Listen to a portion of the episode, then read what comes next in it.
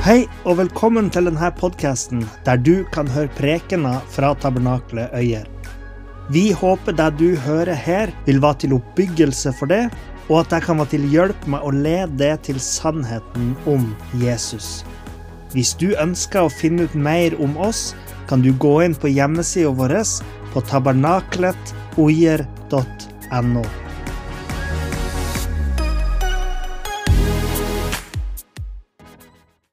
Så Forrige søndag så starta vi en ny prekenserie om eh, profetiene om Messias.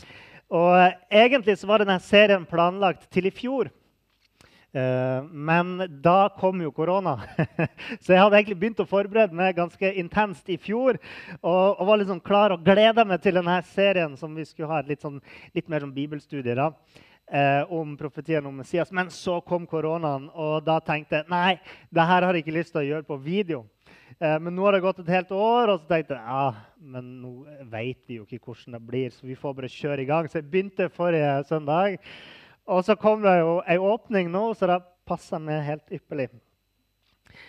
Så for de som eh, gikk glipp av forrige søndags eh, del, så ligger den ute på Internett både som video og som lyd. Og Der så snakker jeg mer generelt om profetien om Messias, hvordan vi skal forstå dem, hva Messias er for noen ting. Eh, men Jeg skulle gjerne ha sagt mye mer i den introduksjonsdelen enn det jeg fikk tid til. Men vi får bare la det bli med det. Eh, men i dag så skal jeg ikke bruke tid på å snakke om hvorfor vi bør ta profetiene i Det gamle testamentet på alvor. Men eh, i dag så skal vi venne oss til bibelteksten og se hva teksten faktisk sier for noen ting.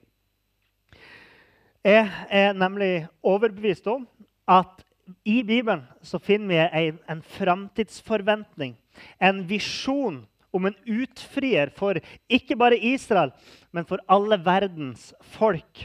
Og som vi så i det vitnesbyrdet i eh, filmen før preken, så er det her fortsatt noe som overbeviser mennesker, og som forandrer liv.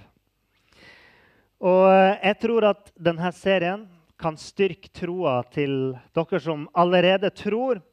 Og gjennom at du lar Guds ånd, Guds levende ånd, tar til det inn i livet ditt, snakk til det og gi det et indre vitnesbyrd, så kan du som enda ikke tror, få åpna øynene dine for hvem Jesus er. Og om det ikke skjer, så har du i hvert fall hørt om hva Bibelen sier om Messias. Så jeg ser flere har med Bibelen, og det er veldig bra. Jeg tenkte at vi skulle bare ta dem fra begynnelsen. rett og slett. Første Mosebok, kapittel 3. Og så bare jobber vi oss gjennom Bibelen. Vi ser hvor langt vi kommer. Neida. Men i Første Mosebok, kapittel 3, der står det et kjent vers. 'Jeg setter fiendskap mellom deg og kvinnen', står det i vers 15. 'Og mellom din ett og hennes ett.' 'Han skal knuse ditt hode' og du skal knuse hans hæl. Eh, for kristne så er dette kanskje en av de mer kjente profetiene om Messias, eller om Jesus. Fordi eh, når man mange ganger har tenkt at vi skal lese gjennom Bibelen, som jeg mange ganger har gjort, og så kommer vi i hvert fall forbi 1. Mosebok kapittel 3 før vi eventuelt gir opp litt ut i 3.-4. Mosebok og, og begynner å dette av litt. Så dette verset har vi i hvert fall fått med oss mange ganger, tror jeg. Men skeptikeren han vil hevde at dette verset, den eneste måten vi kan tolke dette verset til å handle om Messias, er at vi, at vi først har lest Det nye testamentet og på en måte drar med oss det inn i teksten i det gamle. Men jeg vil utfordre det synet, for jeg tror at vi kan forstå at dette handler om Messias uten at vi trenger å liksom ta Det nye testamentet inn i det gamle. Og så er det en litt annen oversettelse av dette verset òg i Bibelen 2011. Der har de lyst til å skrive eh, 'Den skal knuse ditt hode, og den skal knuse dens hæl'.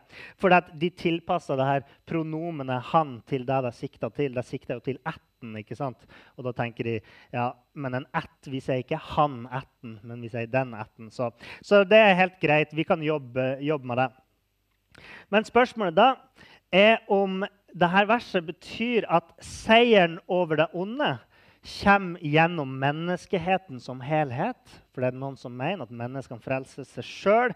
Eh, såkalt liberale kristne vil si at Jesus satte eksempelet for oss. sånn at den dagen vi mennesker lever livet våre som Jesus, alle sammen, da er verden helt og fullt frelst. liksom. Um, men jeg vil hevde noe annet, nemlig at dette handler om ett menneske, én person, som kom for å frelse verden. Og hvis vi skal finne ut av det her, så er vi nødt til å la tekst belyse tekst, og så se hva teksten eh, sier. Så la oss svinge det her sverdet som vi kaller Guds ord, og gå videre til kapittel 4. For der så finner vi ut noe mer om denne kvinnens ett. For det er der vi vil finne ut av hva sikter det til. Er det menneskeheten, eller er det ett menneske? Så Der så finner vi ut noe mer om kvinnens ett. For der står det at kvinnen fikk noen barn. Uh, og de er jo da i kvinnens ett. Så for å forstå vers 15 i kapittel 3 så må vi i hvert fall lese kapittel 4. Og Der står det om to av sønnene som heter Kain og Abel. og Kain eh, drepte Abel. og I kapittel 4, vers 11 så står det eh, at Gud sier til Kain fordi han har drept Abel, derfor skal du nå være forbannet. Husker dere hvem Gud forbanna i kapittel 3? Noen som vet det? Hvem ble Gud forbanna?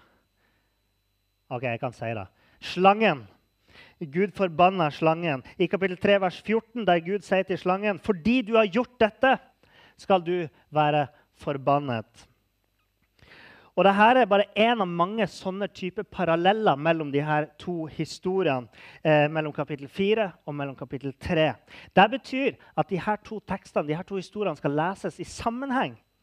Og Siden de her historiene er så nært knytta til hverandre, så betyr det at fordi Kain forbannes på lik linje med slangen pga. deres onde handlinger, så skjønner vi at det er de som gjør ondt, som er slangens ett.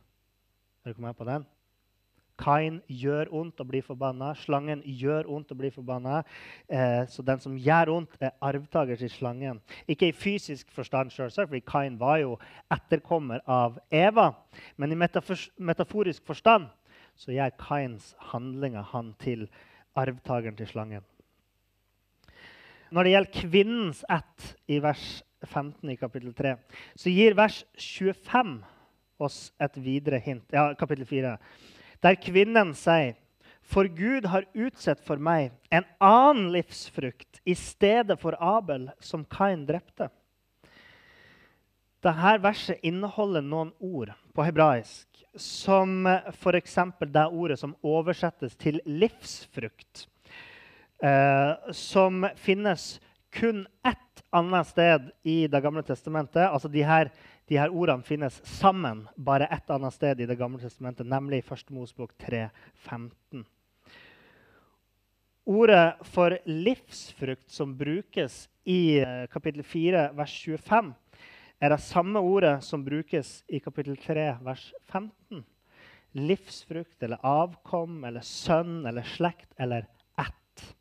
I kapittel 3 står det 'ett'. Her er det oversatt med 'livsfrukt'. Men med andre ord forfatteren av Første Mosebok identifiserer kvinnens ett med sett. Og dermed så er det sett sin slektslinje som vi må følge videre for å forstå hva kvinnens ett sikter til. Så vi hopper over noen sider og blar til kapittel 9.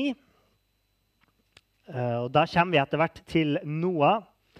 Og uten å utbrodere det her så veldig, så er det òg mange sånne litterære paralleller som vi så i sted, mellom kapittel 9 og hendelsene i kapittel 3. Så det går liksom et sånn mønster her. Noah eh, han var jo rettferdig i Guds øyne, men ender litt som Adam med å gjøre noe som var ondt. Han drakk seg skamløst berusa. Og dette leder til en uheldig episode. Uh, ja. uh, det leder til en uheldig episode med en av sønnene hans, som gjør at Kanan blir forbanna i vers 25, kapittel 9, vers 25, som er en uh, parallell til slangen. For dere husker hva Gud sa til slangen? 'Forbannet være du.' Og så sier Gud til Kanan, 'Forbannet være Kanan'. Mens Sem den andre sønnen til Noah, han blir velsigna i vers 26. Lovet være Herren, Sems Gud, og må Kanan være hans slave. Så velsignelsen av Sem er jo indirekte. Han sier la Gud være Sems Gud, egentlig. Eller Gud skal være Sems Gud, er liksom velsignelsen her. Eh, og I neste vers så ser vi òg at Sem skal være velsigna på en måte som gjør at den tredje sønnen Jafet skal få bo i Sem sine telt. Sant? Så eh, vers 26 blir en parallell til kapittel 3, vers 15. Han altså kvinnens ett, skal knuse ditt, altså slangens hode. Fordi Kanan skal være Sems slave. Kanan blir forbanna og underlagt Sem, som blir velsigna. Og alt det peker tilbake til begynnelsen. da. Så Sems ett skal en dag overvinne slangens ett.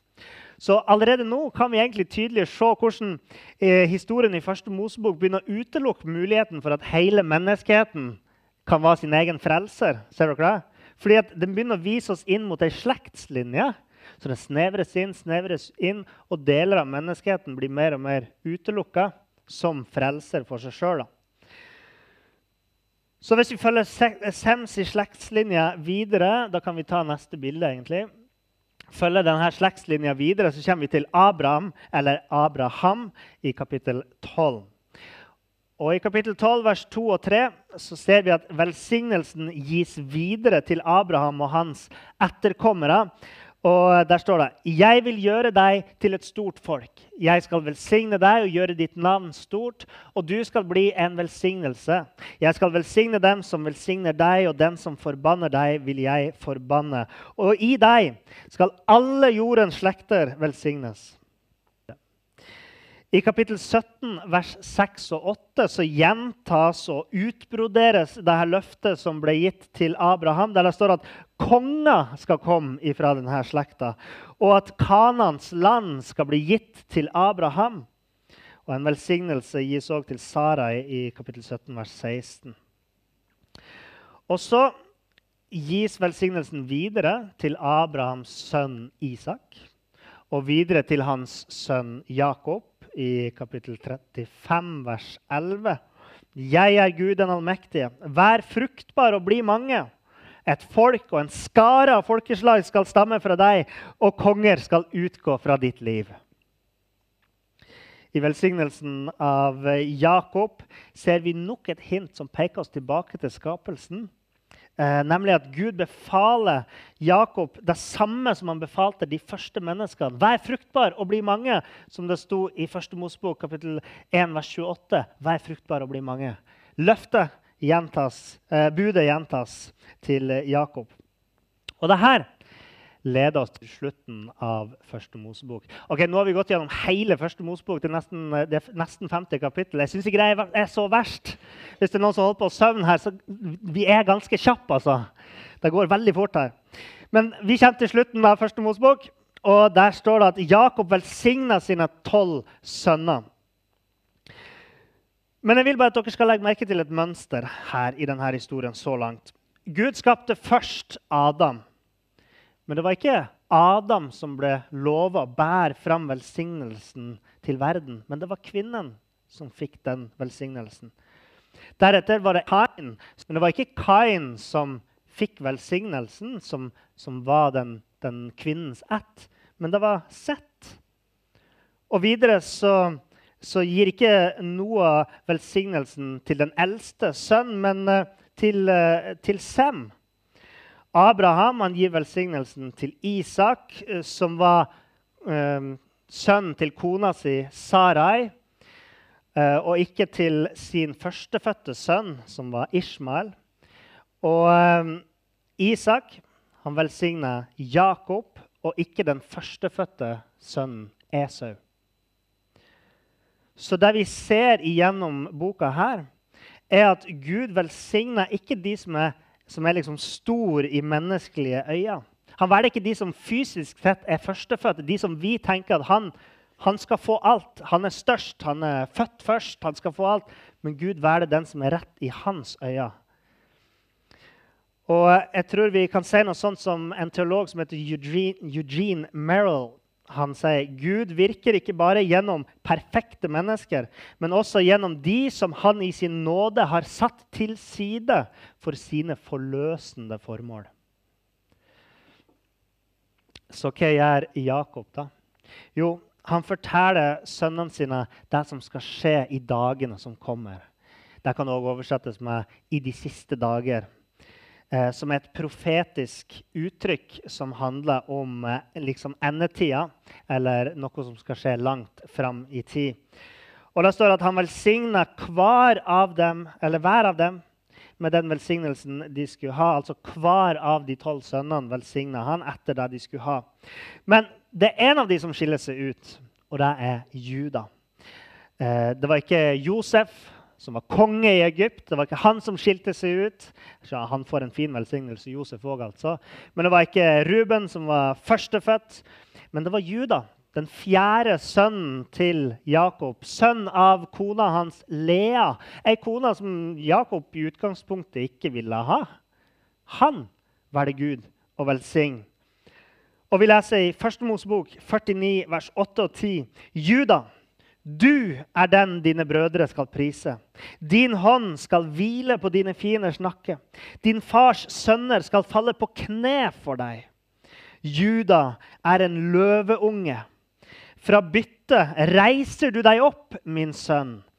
Han legger seg til ro og strekker seg som en løve, som en løvinne.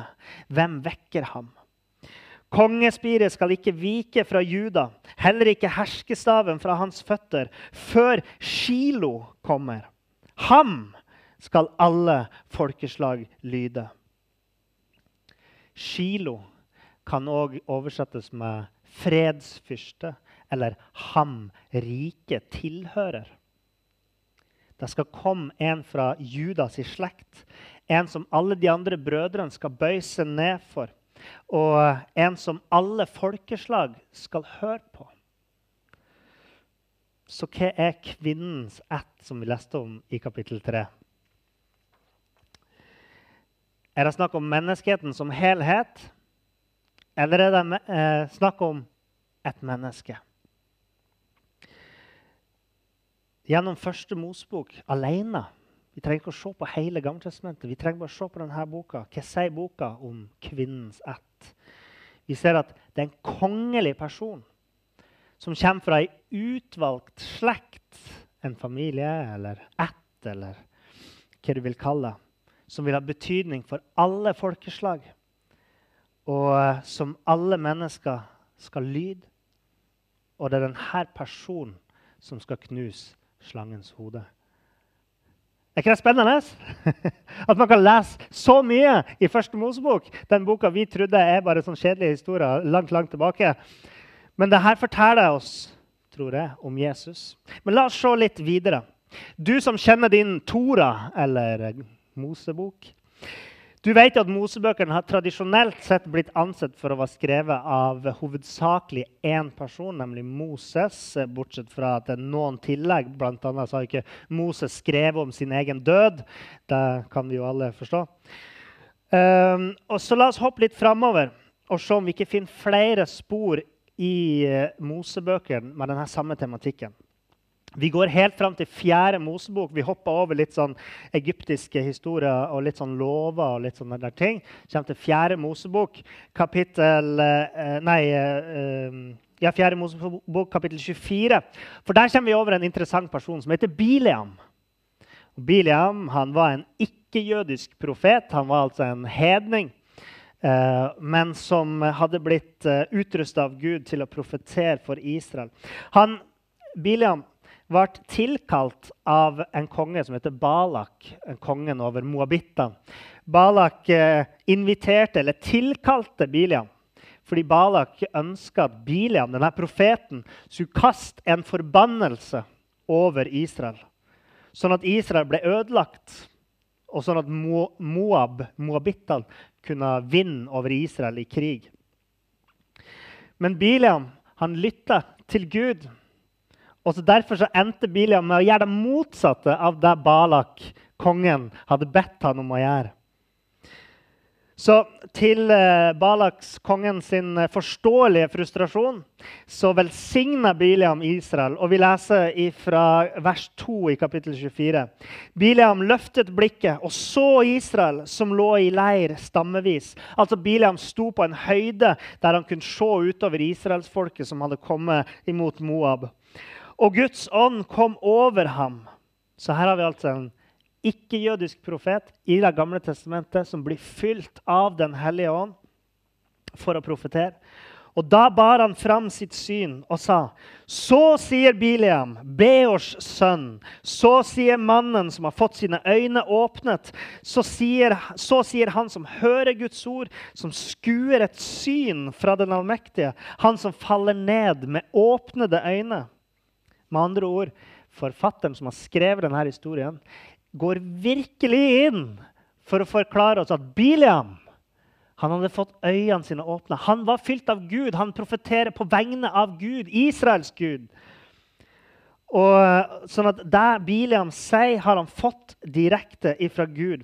Og Så kommer han, med noen vakre ord om Israel. Og, og, Han sier fra vers 7 hans konge, Israels konge skal være større enn Agag, og hans kongerike skal være opphøyet. Og i vers 9.: Han bøyer seg ned, han legger seg ned som en løve, ja, som en løvinne. Hvem våger å vekke ham? Velsignet er den som velsigner deg, og forbannet er den som forbanner deg. Så han profeterer om at det skal komme en stor konge til, i Israel. Men like interessant er jo det han sier i vers 9 om denne løven. For har ikke vi, vi hørt det før i kveld? Jo, vi har det.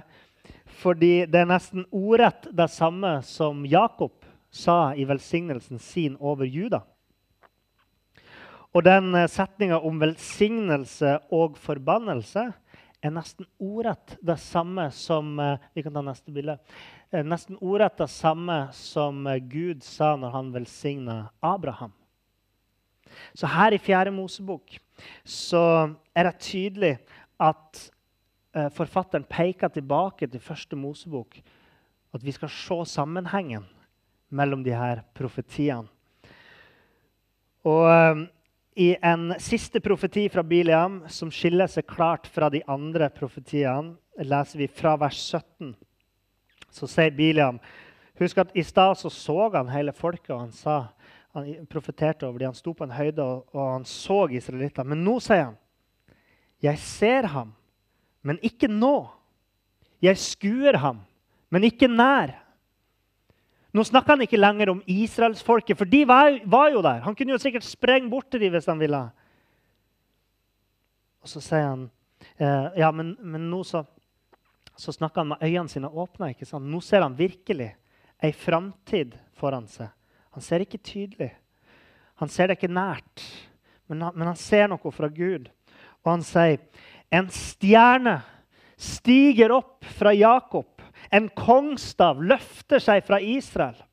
Han snakka om en konge i stad òg, men nå ser han noe helt annet. Han kan beskrive det som en stjerne som stiger opp fra Jakob. Det er et syn han får fra Gud. Han ser en konge komme fra Israel.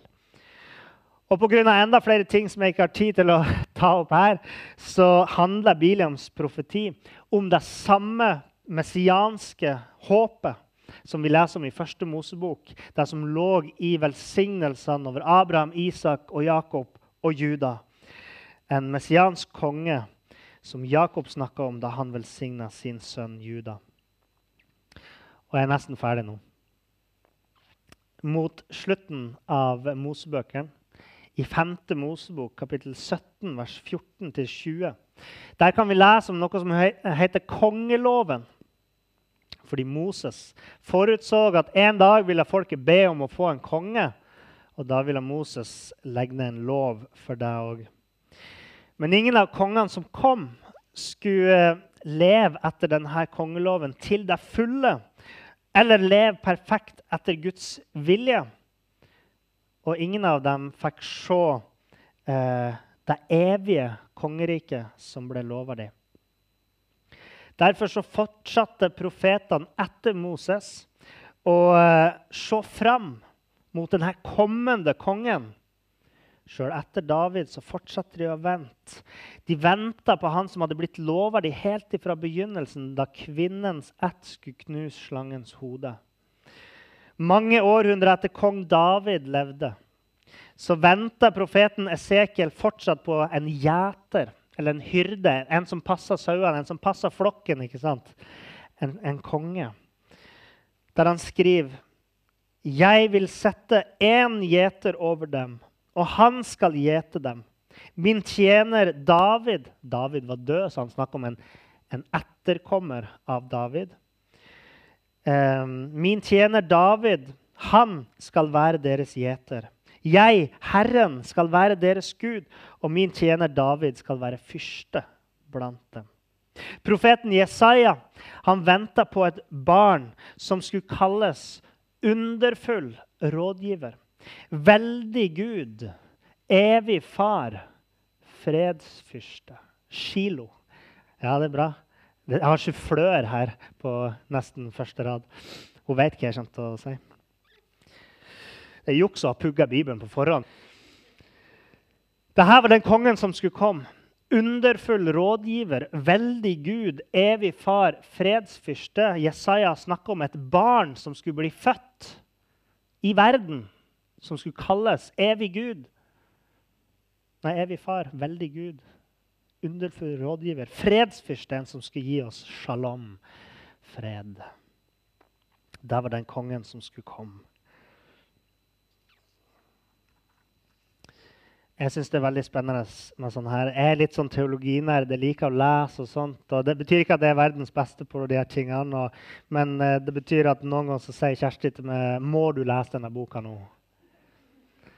Og det, det, er helt greit. Uh, men jeg syns det er spennende. Så jeg tror det er en rikdom i Guds ord som, som uh, vi har så godt av å lære om og forstå. For det styrker oss i troen. Tenk oss å se i de her 3400 år gamle Skriften at de venter på Messias. Jeg kan kanskje ikke overbevise alle om å tro på hele Det gamle testamentet eller tro på historiene der. Eh, og Det er kanskje ikke mitt hovedpoeng heller. Men vi kan alle i hvert fall se på hvilket budskap som sto i teksten. Mange er jo kritiske til når Mosebøkene var skrevet, når Det gamle testamentet ble skrevet. Noen sier at det var 500 år før Jesus kom. Da ble Mosebøkene skrevet. Ja vel, greit. Men la oss se på hva teksten sier for noen ting. Det gamle testamentet lærer oss ikke at vi mennesker kan leve perfekte liv slik at verden blir paradis på jord. Det er noen som tror da, ateister snakker om eh, moralsk framgang, at vi blir bedre og bedre. Det ligger i deres forventning. De snakker om progresjon. Men hvilket århundre var det mest blodige århundret i menneskets historie? Forrige århundre. Kommunismen. Stalin. Hitler. Mao. Pol Pot. Rwanda. Det er veldig rart å snakke om, om uh, mennesket som frelser. Bibelen peker heldigvis på noe annet. Bibelen peker ikke på at vi mennesker skal bli så snille og gode at vi skal redde oss sjøl eller komme til Gud. Men Bibelen peker på at Guds plan var å sende en Messias til verden. En frelser. En som kan hjelpe oss. En som vil være vår konge. Og merk også at Jeg har ikke snakka om Det nye testamentet i det hele tatt. Jeg har ikke sitert noen vers fra Det nye testamentet. Men vi snakker om Messias. Vi snakker om Jesus. Gjennom første Mosebok, gjennom Toraen, gjennom skriftene og profetene i Det gamle testamentet, før Jesu tid, ser vi ei, ei progressiv åpenbaring. Ei åpenbaring som øker i, i, i eh, liksom mangfold. Som gir litt og litt mer informasjon. Der vi lærer mer og mer om Guds plan for menneskene. Og vi lærer mer og mer om denne kvinnens ett, denne Messias. Og som vi skal se videre i denne serien, så er det veldig veldig mange andre profetier i Det gamle testamentet. Vi kan ikke eh, gå gjennom alle, selvsagt, men vi skal se på mange av de som viser oss hvem den lovede Messias skulle være for noen ting. Men uansett, før vi kommer dit, så tror jeg at når vi kommer til Det nye testamentet, så vil øynene våre åpnes for at, å se at det, alt handler om Jesus. Det var Jesus som ble lova. Og han er den som knuste slangens hode. Han gjorde det på korset. Han vant over det onde. Han vant over urettferdigheten. Han vant over lidelsen. Han vant over lovløsheten. Han vant over opprøret vi menneskene hadde skapt.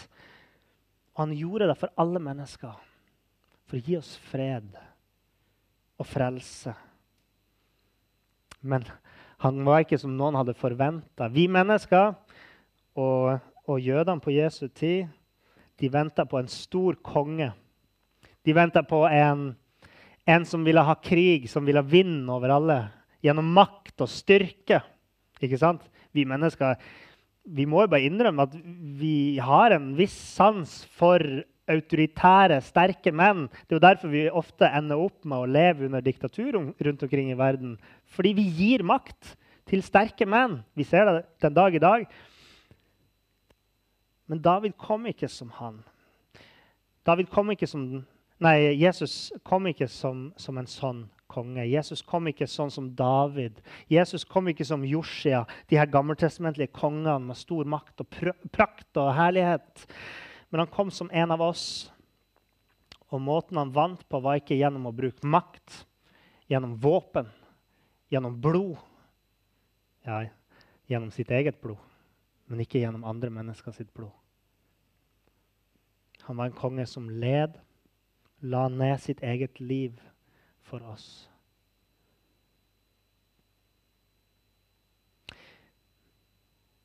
Det, det, er ikke alltid det synker helt inn. Jeg, jeg, tror vi sliter med å ta det helt inn over oss.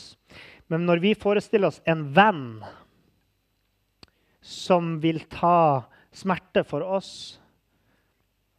i, i en situasjon, en, en som vil dø for oss en som vil eh, donere en nyre for oss. Det er historier som rører oss. Jesus ga mer enn det. Han ga alt. Han ga alt. Han tok alt på seg.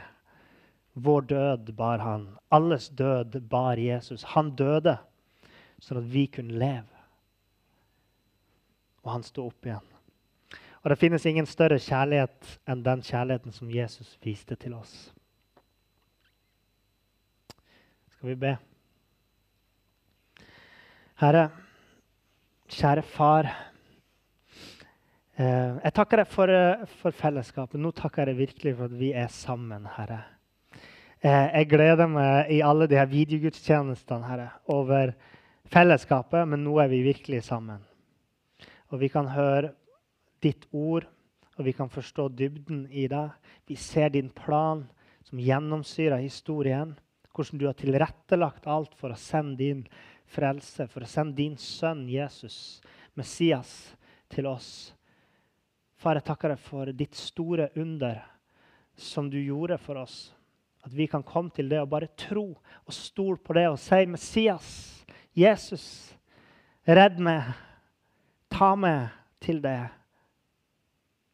Så far, du ser alle hjertene til de som er her inne i dag. Jeg ber for de som allerede tror. Jeg ber om at du skal styrke troa deres, at du skal løfte opp og gi dem ny eh, inspirasjon og glede over å lese Bibelen. Eh, at de skal få se mer av dybden i ditt ord og forstå mer av hvem Jesus var, eh, ut ifra de løftene som du hadde gitt. Jeg ber for de som tviler, at du òg skal fylle dem med din ånd og lede dem på rett vei. og Hold dem i hånda og led dem, Herre. Jeg ber for de som enda ikke tror, de som ikke har møtt deg, de som ikke har fått øynene åpna, som Bileam fikk øynene sine åpna. Far, jeg ber om at din ånd skal komme over dem og gi dem et indre vitnesbyrd. Og overbevis dem om hvem du er. Vis dem hvem du er. Vi ber om deg i Jesu navn. Amen.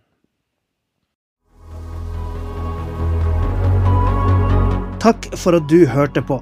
Hvis du tok et steg i tro i dag, eller du har noe du ønsker forbønn for, så vil vi gjerne høre ifra det via e-postadressen kontaktalfakrølltabernakletøyer.no. Du er òg velkommen til våre ukentlige gudstjenester i menighetslokalet i Haugskutua 5 26 36 Øyer.